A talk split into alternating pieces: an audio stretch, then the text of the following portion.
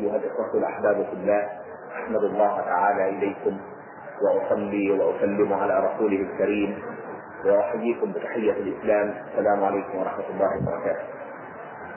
أما بعد قد يسأل سائل لماذا الخوض في قضية علمية متخصصة كهذه في محاضرة عامة؟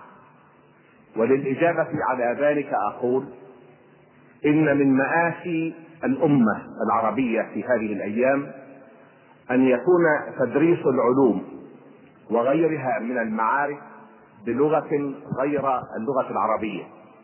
وقد أدى ذلك إلى عزل السواد الأعظم من الأمة عن كم هائل من المعارف في الكون الذي نحيا فيه والذي يحتاجه كل منا لكي يتدبر أمر وجوده في هذه الدنيا وأمر عاقبته بعدها. من هنا كان لزاما على أساتذة الجامعات ألا يحرموا جماهير الأمة من التعرف على هذه القضايا العلمية الهامة. وثانيا بدأت المنطقة على الرغم من خروجها عن نطاق حزام الزلازل. بدأت في السنوات القليلة الماضية تتعرض إلى قدر من الهزات الأرضية. نحن نعلم أن حزام الزلازل يحيط بالمنطقة العربية ولكن غالبية الدول العربية باستثناء الجزائر والمغرب خارجة عن نطاق حزام الزلازل وبالرغم من ذلك بدأت تتعرض المنطقة لعدد من الهزات الأرضية. ونعلم أيضا أن الله تعالى قد حبى هذه المنطقة بوسائل حماية متعددة منها أن العلماء قد أثبتوا في السنوات الأخيرة أن أعلى درجة حرارة تحت الغلاف الصخري للأرض في منطقة الحجاز. وقد نشرت خرائط لهذه الحقيقة دون تفسير منطقي لها. وكلما زادت درجة الحرارة لانت الصخور فامتصت الهزات الأرضية. هذا بالإضافة إلى سمك هائل من الأملاح أو ما يسمى بالصخور أو معادن المتبخرات التي تتكون عن طريق التبخير مثل ملح الطعام. سمك هائل من هذه الصخور يبطن قاع البحر الأحمر وخليج السويس وخليج العقبة مما يحمي هذه المنطقة أيضا من الهزات الأرضية. لأن هذه الصخور الملحية لها مرونة هائلة تمتص الاهتزازات الزلزالية. نعلم كذلك أن المنطقة الغربية من الجزيرة العربية تتناثر فيها مساحات شاسعة من الحرات حقول الطفوح البركانية وأن هذه السطوح البركانية تغطي مساحة تزيد عن تسعين ألف كيلومتر مربع في أرض المملكة وحدها وهي تمتد من عدن في الجنوب إلى هضبة الجولان في الشمال. وهذه السطوح البركانية التي تغطي أكثر من تسعين ألف كيلومتر مربع في المملكة وحدها بمتوسط سمك 300 متر. تمثل فترة طويلة من الثورانات البركانية التي عمت هذه المنطقة. ويتناثر في هذه الطفوح البركانية مئات من فوهات البراكين. وهذه الثورة البركانية استمرت عبر سبعين مليون سنة وكان بعضها حديثا لا يتعدى عمره آلاف قليلة من السنين. وهذه الفوهات الحديثة تنذر بشيء من الثوران. يعني يمكن أن تثور في أي لحظة من اللحظات لأنها براكين حديثة التكوين. ومن هنا كان لزاما على أهل منطقة كالجزيرة العربية لديهم هذا الكم الهائل من السطوح البركانية أن يتعرفوا على شيء من مخاطر هذه الظواهر الأرضية الهامة. زرت في جنوب شرق حائل مدينة مأطابة بناء على توجيه من المسؤولين في حائل هذا منذ عدة سنوات بعد زلزال جمار الذي حدث في اليمن قال أهل هذه القرية أنهم يشعرون بهزات أرضية في المنطقة فقمنا بزيارتها وفوجئت بأن القرية مبنية بالكامل في فوهة بركان في مخروط بركاني وأنهم كسروا جانب هذا المخروط وعملوا طريق ويقومون بعمران على نطاق هائل بعمق يزيد عن 500 متر. وهذا من البراكين الحديثة التي يمكن أن تفوق. ونصحتهم أن يبقوا الزراعة ويبقوا الحيوانات ولكن يخرجوا بالناس. ووجدنا حول هذه القرية سبعة فوهات مشابهة. فوهات لبراكين حديثة يزيد عمق الواحد منها عن 500 متر في مساحات تعد ببضعة كيلومترات. ومنذ شهور قليلة زرت أيضا في حرة كشف فوهة بركان. يبلغ قطره أكثر من سبعة كيلومترات. وعمقه أكثر من 600 متر. من شدة فورانه نسف المخروط البركاني. المخروط البركاني نسف بالكامل. وقد يبلغ ارتفاع هذا المخروط بضعة مئات من الأمتار. ولذلك هذه الظواهر الأرضية الهامة من الفورانات البركانية والهزات الأرضية ظواهر تستدعي الاهتمام وتستدعي الدراسة وتستدعي الحرص في التعامل معها وتحذير الناس من مخاطرها بطريقة علمية سليمة. ويظن كثير من الناس أن الأرض التي نحيا عليها راسخة مستقرة وحقيقتها غير ذلك. فهي تدور حول محورها أمام الشمس من الغرب إلى الشرق مرة في ال 24 ساعة تقريبا بسرعة تصل إلى حوالي 500 متر في الثانية وتعرف هذه الحركة باسم الحركة المغزلية. والأرض كذلك تدور في مدار محدد لها حول الشمس بسرعة تصل إلى حوالي 30 كيلومتر في الثانية لتتم هذه الدورة في سنة من سنينا المعروفة حوالي 365 يوم وربع. وتدور الأرض مع الشمس والمجموعة الشمسية في مدار لها حول مركز المجرة سكة التبانة التي تتبعها أرضنا. تدور المجموعة الشمسية حول مركز لها مرة كل 250 مليون سنة. وقد أثبت العلماء أن الأرض والشمس مجموعتنا الشمسية يصل عمرها إلى خمسة آلاف مليون سنة. لذلك يعتقد العلماء أن مجموعتنا الشمسية قد أتمت عشرين دورة حول مركز المجرة منذ لحظة خلقها إلى الآن.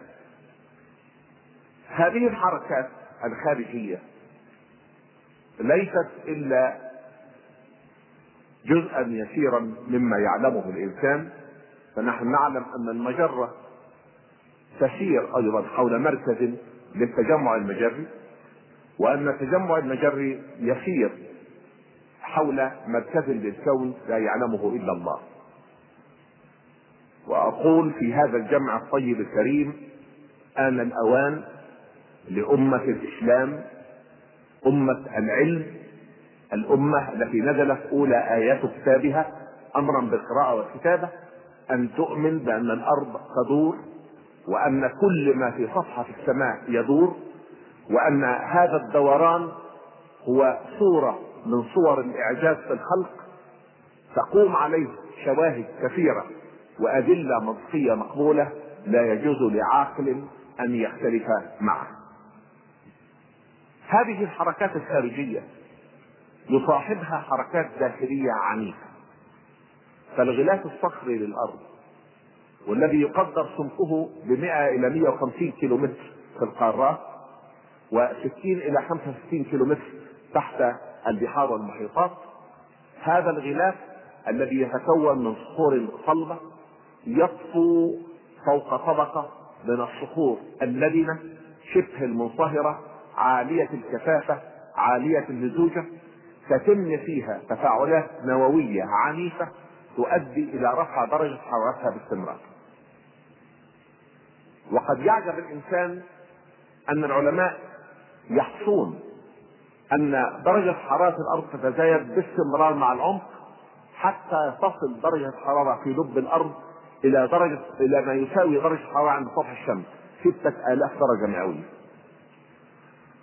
والصخور في داخل الأرض توجد في حالة من حالات الاتزان الدقيق بين الضغط والحرارة. إذا زادت الحرارة تنصهر وإذا زاد الضغط تتوقف عن الانصهار هذا الاتزان الدقيق إذا اختل ولو بنسبة ضئيلة للغاية تنصهر الصخور يعني إذا قل الضغط أو إذا زادت الحرارة تنصهر هذه الصخور فيزداد حجمها زيادة هائلة وتؤدي هذه الزيادة إلى انفجار القشرة آه، الأرضية أو الغلاف الصخري الأرض لتتم الثورانات البركانية ويصاحب ذلك الهزات الأرضية. والثورة البركانية والهزة الأرضية من الظواهر المتلازمة. سببهما واحد وارتباطهما معا ظاهر. إلا أنه في بعض الحالات قد تتفوق الفوران البركاني على الهزة الأرضية وفي بعض المناطق قد تكون الهزات أعنف وأشد من الثورة البركانية. لكن في كثير من الأحيان تتلازم الثورة البركانية مع حدوث هزات أرضية كما تتلازم الهزات الأرضية إذا وصل حدا من العنف إلى انفتاح الأرض على هيئة سطوح بركانية هائلة. الحركات الداخلية هذه قد يتخيل كثير من الناس أنها حركات مدمرة حركات هدمية مدمرة ولكنها في الحقيقة حركات بناء وإثراء للأرض عجيبة. فنحن نعلم أن عوامل التعرية تأخذ من سطح الأرض بما يساوي ثلاثة من مية آه، من المليمتر سنويا. ولولا فوران البراكين ولولا الهزات الأرضية ولولا تكون السلاسل الجبلية والعمليات الثلاث متلازمة لأكلت عوامل التعرية سطح الأرض وغمرتها المياه. ولكن نجد هذا الاتزان الدقيق بين ما تأكله عوامل التعرية وما تبنيه الثورات البركانية والحركات البانية للجبال.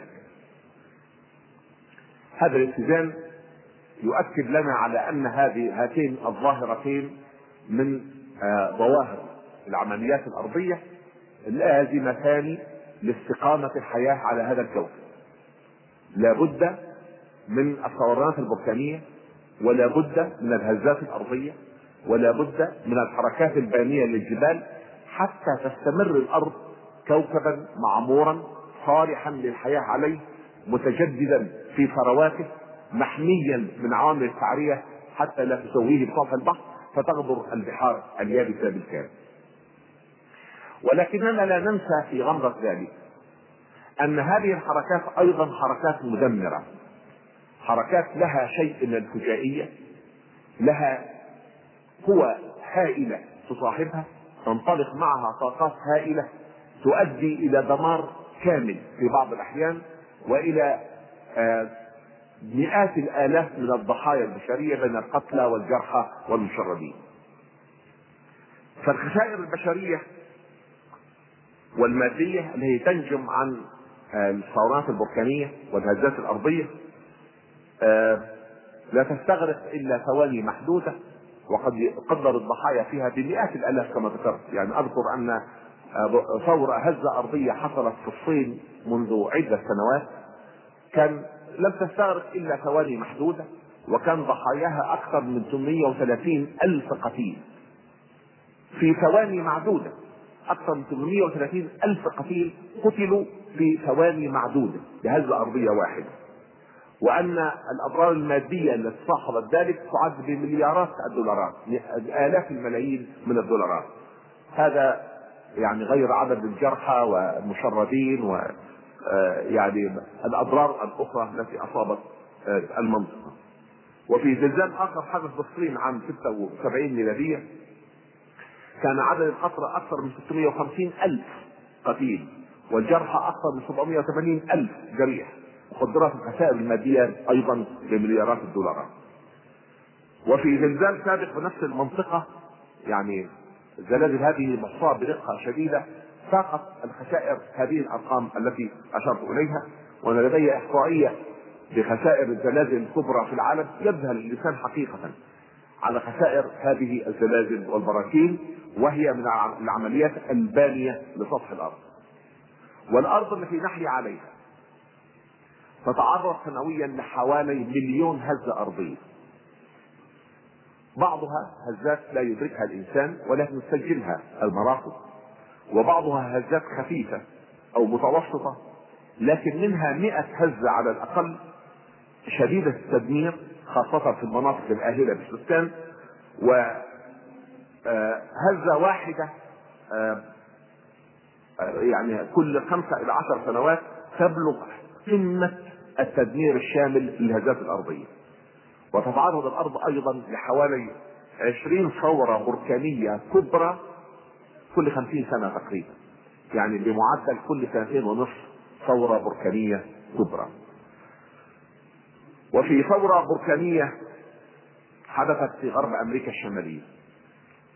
صبيحة الأحد من 18 مايو سنة 80 نسف بركان جبل سانت هيلين في ولاية واشنطن. آه نسف المخروط بالكامل كما ذكرت في حفرة آه كشف هذه. نسف المخروط هنا بالكامل نسف المخروط البركاني كان يرتفع لأكثر من 2900 متر. ولكم أن تتخيلوا القوة التي تنسف مخروط ارتفاعه 2900 آه متر تنسفه بالكامل من موضعه. لينخفض في لحظة وجيزة إلى حفرة لا يزيد ارتفاع جدارها عن 410 مترا وتنطلق طاقة تفجيرية تفوق في شدتها بمئات المرات الطاقة الناتجة عن تفجير قنبلتي هيروشيما وناجازاكي اللتين ألقتهما الطائرات الأمريكية على الجزر اليابانية بعد استسلام القوات اليابانية في نهاية الحرب العالمية الثانية. وقد نتج عن هذا الثوران البركاني. تدمير الغابات في دائرة تزيد مساحتها عن 400 كيلو متر وغطت الغازات والأبخرة والرماد البركاني في درجات حرارة جدا مما أدى إلى قتل أعداد كبيرة من الناس والكائنات الحية الأخرى. قتل بعضهم من شدة الحرارة أو بفعل الغازات الخانقة وقذف الانفجار بعضهم من قمة الجبل إلى سفوحه ودفن البعض في الأوحال الناتجة عن ذلك التفجير. وقد قدرت كمية الرماد البركاني الذي اندفع من داخل الأرض بحوالي 3 إلى 4 كيلو متر مكعب من فوهة واحد 3 إلى 4 كيلو متر مكعب.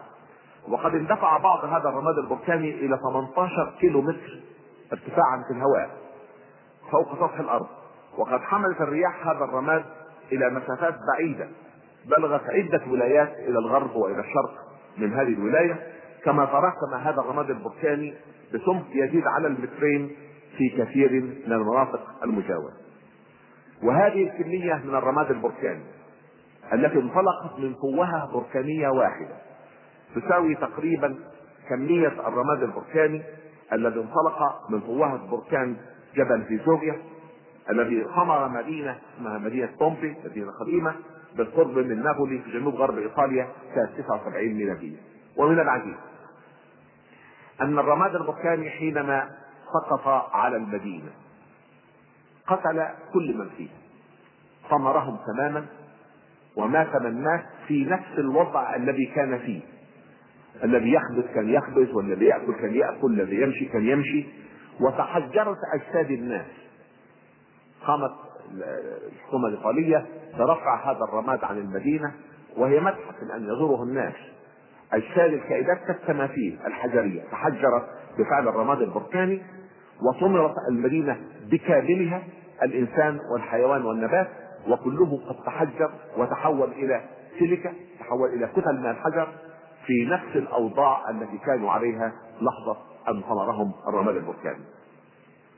وقبل ثورة بركان جبل سانت هيلين بشهرين حدثت سلسلة من الهزات الأرضية الخفيفة في المنطقة وتلا ذلك تصاعد كميات قليلة من الدخان والرماد أخذت في التزايد تدريجيا حتى تم نسف المخطوط البركاني بأكمله. وقد صاحب عملية تصاعد الدخان والرماد الأولى زحف الاوحال بكميات هائلة وهذه كانت ناتجة عن انصهار الجليد الذي يعلو عادة قمم هذه الجبال العالية. وزحف هذه الأوحال أيضا من الكوارث التي قد تصيب الناس بعدد هائلة من القتلى والجرحى والمشردين. في أغسطس عام 1983 ميلادية اختفت جزيرة بركانية إندونيسية صغيرة.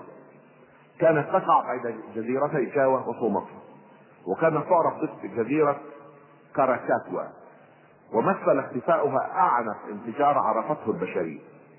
ونتجت عن هذا الانفجار حفرة يزيد عمقها عن 300 متر في قاع البحر. حيث كانت تقع الجزيرة ومن شدة الانفجار سمع دويه على بعد خمسة آلاف كيلومتر. وارتفع الرماد البركاني إلى 80 كيلومتر فوق سطح الأرض وغطى سفنا في البحر على بعد يزيد عن 2000 كيلومتر من موقع الجزيرة وأظلمت السماء لمدة يومين متتاليين وقد صاحب ذلك اهتزازات عنيفة للأمواج البحرية أدت إلى ارتفاعها 40 متر وتسببت في إغراق 35 ألف شخص وتدمير 300 مدينة وقد أدى تطاير الرماد البركاني الدقيق. في الطبقات العليا من الغلاف الغازي إلى غروب الشمس في كل أوروبا بلون أحمر قاني وإلى انخفاض درجات حرارة الغلاف الغازي بحوالي نصف درجة مئوية لعدة سنوات تالية. هذا لتصوير خطر هذه الثورات البركانية والهزات الأرضية.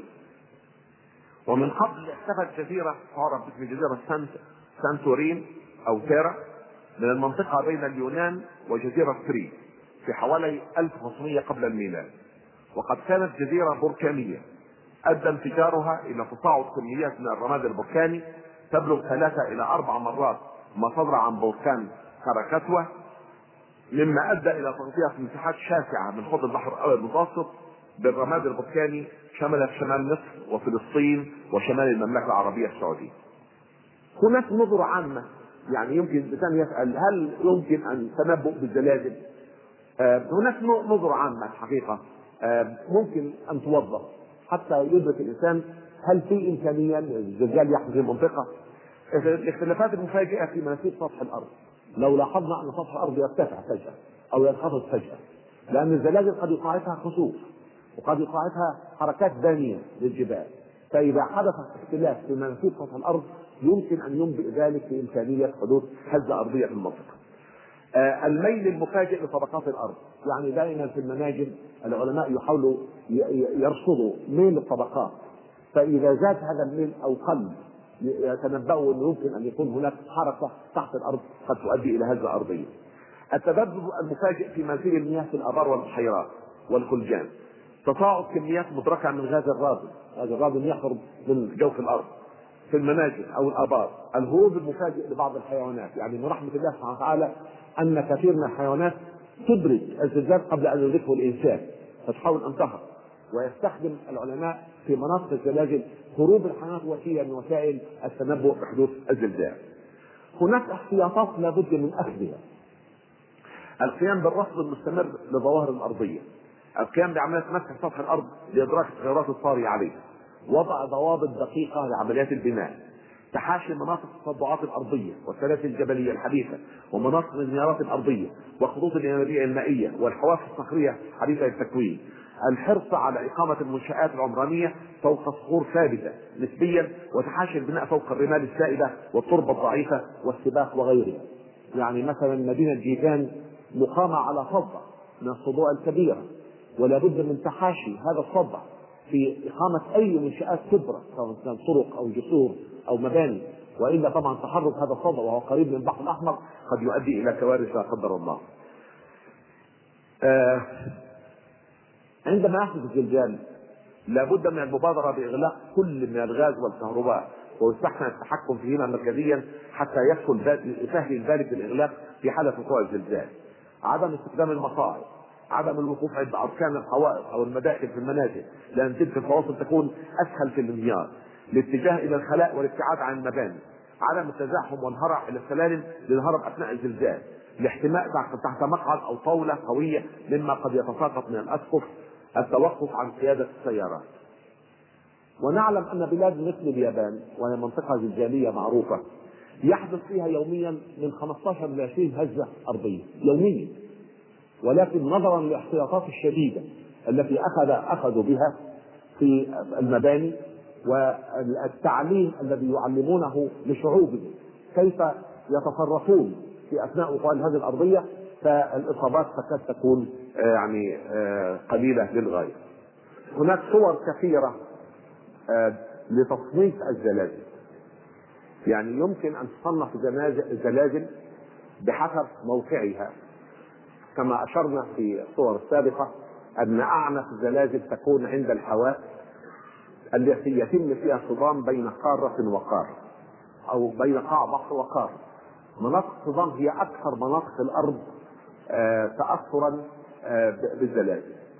ولذلك تقول أن هذه المناطق لابد أن يتحاشى الناس إقامة العمران فيها مناطق الصدام طريقة مستمرة. ممكن أن نرى زلازل تحدث مناطق الاتساع. المناطق التي يرتفع فيها قاعان البحار والمحيطات. يحدث زلزال ولكنها أقل بكثير. فعندنا 80% تقريبا من الهزات الأرضية تحدث في مناطق الصدام و10% تحدث في الجزر البركانية في وسط البحار والمحيطات والخمسة في المية الباقية تتوزع على مختلف أجزاء الأرض. وعلى الرغم من إدراكنا بأن هناك أحزمة محددة للزلازل والبراكين إلا أن لا يستطيع الإنسان أن يستثني أي جزء من على سطح الأرض من إمكانية أن يحدث فيه هزة أرضية أو ثورة بركانية.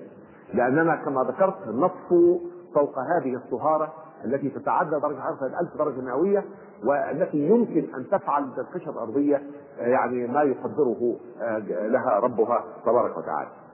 فأقول أن إحنا ممكن أن نقسم الزلازل من ناحية هل هي عند حواف الألواح الأرضية أو أنها في داخل الألواح الأرضية. وعند الحواف لدينا حواف الصدام وحواف الاتساع. وحينما ننظر إلى اللوح الأرضي نجد أنه له حافة اتساع وحافة صدام. والحافتين الآخرين يتحرك الألواح عبر بعضهم البعض دون صدام ودون اتساع. تسمى حواس الانزلاق. فحواس الانزلاق يمكن أن يحدث فيها أيضا هزات أرضية مثل الهزة التي حدثت في نوفمبر الماضي في خليج العقبة لأن خليج العقبة والبحر الميت وبحيرة الطبرية إلى مردين في تركيا عبارة عن خط صدعي تنزلق عبر الجزيرة العربية عن أفريقيا وعن الجزء بتاع الأردن وفلسطين والشام بلاد الشام.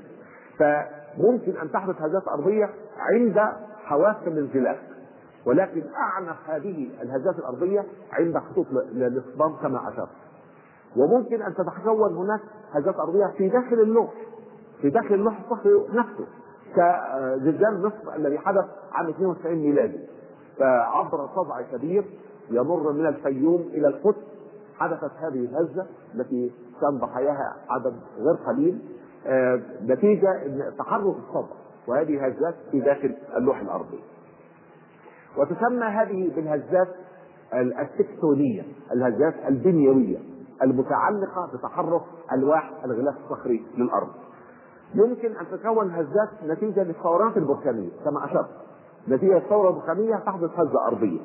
كما أنه يمكن أن تحدث هزة أرضية نتيجة للانهيارات انهيار كبير في منجم من المنازل أو ارتطام نيزك كبير من النازك بالأرض يمكن أن يؤدي ذلك إلى هزة أرضية يمكن أن يكون هناك هزات أرضية صناعية يعني يصنعها الإنسان يعني يحفر حفرة في الأرض ويفجر كمية من المواد المتفجرة فيؤدي إلى حدوث موجات اهتزازيه يمكن أن تستخدم وتوظف في دراسة باطن الأرض والتعرف على ثرواتها. يمكن أن يستخدم الإنسان مطارق مطرقه كبيرة تطرق الأرض فتؤدي إلى حدوث هزات زلزاليه يوظفها أيضا في دراسه داخل الأرض. لكن ممكن من ناحية عمق الهزة الأرضية نفسها. كما أشرت إذا كانت الهزة منطلقة من بؤره قريبة من السطح تسمى هذه زلازل ضخلة المنشأ. وزلازل ضخلة المنشأ هي أكثر الزلازل تدميرا لقربها من سطح الأرض. وهي عادة تتم بين 5 و 15 كيلومتر وقد تصل إلى 70 كيلومتر. ولكن ممكن أن تحدث الهزات الأرضية من عمق أكبر من ذلك بين 70 وكانت 100 كيلو متر وتسمى هزات متوسطة النشأة يعني انها تنشأ من بؤر متوسطة في العمر وهذه أقل تدميرا من الهزات التي تنشأ في المناطق القريبة من السطح وهناك هزات عميقة المنشأ تنشأ إلى 700 كيلو متر من 300 إلى 700 كيلو متر وهذه أثرها أقل. من الهزات المتوسطة وضحلة المنشأ. بعد 700 كيلو متر ينصهر الغلاف الصخري ولا يستطيع أن يهز الأرض ولا يكون له أي تأثير على الإطلاق. آه كذلك يمكن تقسيم الهزات من ناحية آه قوتها أو يسمى بالماجنتيود ووضع ريختر أحد علماء الزلازل وضع مقياس من واحد إلى تسعة. وهو مقياس لوغاريتمي خوارزمي بحيث إن يعني الهزة رقم سبعة تكون عشر أضعاف رقم ستة و100 ضعف رقم خمسة و1000 ضعف رقم أربعة. يعني بقياس لوغاريتمي تتضاعف فيه القيم أس عشرة بطريقة مستمرة والهزات التي يدركها الإنسان لابد أن تكون اثنين فما فوق. أقل من اثنين لا يدركه الإنسان. ترصده المراصد لكن لا يدركه الإنسان. ولكن رصدها مفيد لأنه تكرار حدوث هزات حتى أقل من اثنين. تنذر بشيء من الخطر ماذا يمكن أن يحدث في المنطقة؟ تتردد فيها حدوث الزلازل حتى لو كانت بقوة بسيطة. وهناك مقياس للشدة. والشدة يقصد بها حجم التدمير الذي ينتج عن الهزة الأرضية. من واحد إلى 12 مقياس مركالي واحد طبعا لا يؤدي إلى أثر. و12 دمار شامل ومن بينهما المراحل المتوسطة. وهناك وسائل أخرى يعني آه لتصنيف الزلازل غير ذلك لا داعي للخوض فيها لكن ندرك أن الهزة الأرضية الرئيسية دائما يسبقها هزات آه يعني آه سابقة ويلحق بها هزات لاحقة يسموهم foreshocks و aftershocks والهزة الرئيسية قد تأخذ ربع ثواني ولكن قد يسبقها من رحمة الله سبحانه وتعالى أن يكون في وسائل للإنذار يسبقها هزات أقل في شدتها تنبه الناس إنه قابل هزه أكبر من ذلك. ثم يتبعها بعد ذلك هزات لاحقة عادة تكون أقل منها في الشده وتتسبب الهزات الأرضية على اليابسة في بيوعه التربة بشكل واضح مما يؤدي إلى انهيارات شديدة لكل ما التربه وما تحمله فوقها من مباني ومنشآت لمئات الامتار عبر مساحات شاسعه وينتج عن ذلك تدمير المساكن والطرق والجسور وخطوط السكك الحديديه ومنشآت الطاقه والموانئ والمو... والمرافق وغيرها. خاصة الآن في محطات توليد كهرباء بالطاقة النووية لكم أن تتخيلوا لو حدث صدع في في محطة من هذه المحطات كما حدث في, في يعني ليكج في تشيرنوبل مثلا يعني.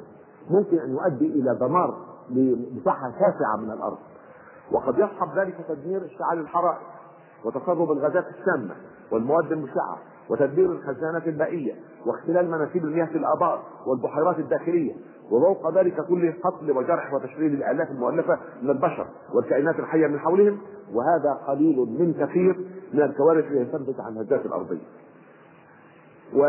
ولا أريد أن أفصل كثيرا في ميكانيكية حدوث الهزة ولكن بايجاز شديد أن الموجات الداخلية حينما تصل إلى سطح التأثير يعني لدينا موجات تتحرك في داخل الصخور وموجات تصل إلى السطح وحينما تصل قد ترتد إلى الداخل مرة أخرى وهذا الذي يؤدي إلى تحريك المنشآت من أساسها ويؤدي إلى تدمير كامل ما هو منظورنا؟ كمسلمين إلى هذه الظواهر الأرضية. هذه من سنن الله في الأرض. وكما أشرت هي سنة لها دور عمراني في جعل الأرض صالحة للحياة. فالهزات الأرضية والثورات البركانية والحركات البانية للجبال تجعل الأرض صالحة للعمران وبغيرها لا تستقيم الحياة على هذا الكوكب. ولكن في نفس الوقت هذه الظواهر لها مخاطرها. ولها آثارها ولها أضرارها. يتخيل البعض اننا بمجرد فهمنا لميكانيكيه حدوث الهزة الأرضية أو الثورة البركانية أننا أخرجنا ذلك من نطاق قدر الله. ولكن الذي يقرأ القرآن الكريم والذي يقرأ السنة النبوية المطهرة يدرك تمام الإدراك أن هذه السنن يوظفها ربنا تبارك وتعالى لعمارة الحياة على هذه الأرض. كما يوظفها لعقاب العاصين ولابتلاء الصالحين ولاعتبار الناجين. وإذا لم يأخذها المسلم بهذا المعيار يكون قد توقف عند الحدود المادية لهذه الملاحظات فقط وهو أقل ما يمكن أن يخرج به الإنسان من النظر في هذه السنن الكونية. اقرأوا إذا شئتم قول الحق تبارك وتعالى في سورة النحل. بسم الله الرحمن الرحيم. قد مكر الذين من قبلهم فأتى الله بنيانهم من القواعد فخر عليهم السقف من فوقهم وأتاهم العذاب من حيث لا يشعرون. لا يوجد وصف لما يحدثه الزلزال في المنشآت أدق ولا أبلغ من هذا الوصف. قد مكر الذين من قبلهم. فأتى الله بنيانهم من القواعد فخر عليهم سقف فوقهم وأتاهم العذاب من حيث لا يشعرون. ونقرأ في نفس السورة قول الحق تبارك وتعالى بسم الله الرحمن الرحيم. أفأمن الذين مكروا السيئات أن يخسف الله بهم الأرض أو يأتيهم العذاب من حيث لا يشعرون أو يأخذهم في تقلبهم فما هم بمعجزين أو يأخذهم على تخوف فإن ربكم لرؤوف رحيم. هذه الظواهر الكونية التي تلعب دور هام في عمارة الأرض يوظفها ربنا تبارك وتعالى كما ذكرت في عقاب العاصين وفي ابتلاء الصالحين وفي اعتبار الناجين منها. نقرأ أيضا قول الحق تبارك وتعالى. بسم الله الرحمن الرحيم. أأمنتم من في السماء أن يخسف بكم الأرض فإذا هي تمور أن يخسف بكم الأرض فإذا هي تمور لا يوجد وصف لما يحدث أثناء الزلزال أدق ولا أبلغ من هذا الوصف. لأن دائما الهجات الأرضية يصاحبها خسوف في الأرض ويصاحبها موران للأرض أي تحرك شديد. في اتجاهات مختلفة للأرض. نقرأ أيضا أن القرآن الكريم وصف الهزة الأرضية بالزلزلة كما وصفها بالرجفة كما وصفها بالصيحة. لأن بعض هذه الهزات الأرضية والثورات البركانية يصاحبها انفجارات شديدة للغاية. نفس الهزة الأرضية يسبقها صيحة شديدة صوت مدوي شديد لانطلاق الطاقة من جوف الأرض إلى الفضاء. فجأة. فنقرأ في القرآن الكريم في وصف عقاب قوم شعيب عليه السلام فأخذتهم الرجفة فأصبحوا في دارهم جاثمين. ونقرأ قول الحق تبارك وتعالى بسم الله الرحمن الرحيم ولما جاء أمرنا نجينا شعيبا والذين آمنوا معه برحمة منا وأخذت الذين ظلموا الصيحة فأصبحوا في ديارهم جاثمين. ونقرأ وإلى ثمود أخاهم صالحا قال يا قوم اعبدوا الله ما لكم من إله غيره إلى أن تقول الآيات فأخذتهم الرجفة فأصبحوا في دارهم جاثمين. ونقرأ في سورة العنكبوت قول الحق تبارك وتعالى بسم الله الرحمن الرحيم. وإلى مدين أخاهم شعيبا فقال يا قوم اعبدوا الله وارجوا اليوم الآخر ولا تعثوا في الأرض مفسدين. فكذبوه فأخذتهم الرجفة فأصبحوا في دارهم جاثمين. ونقرأ بسم الله الرحمن الرحيم. وكم من قرية أهلكناها فجاءها بأسنا بياتا وهم قائلون. فما كان دعواهم إذ جاءهم بأسنا إلا أن قالوا إنا كنا ظالمين. فلنسألن الذين أرسل إليهم ولنسألن المرسلين. ونقرأ قول الحق تبارك وتعالى بسم الله الرحمن الرحيم.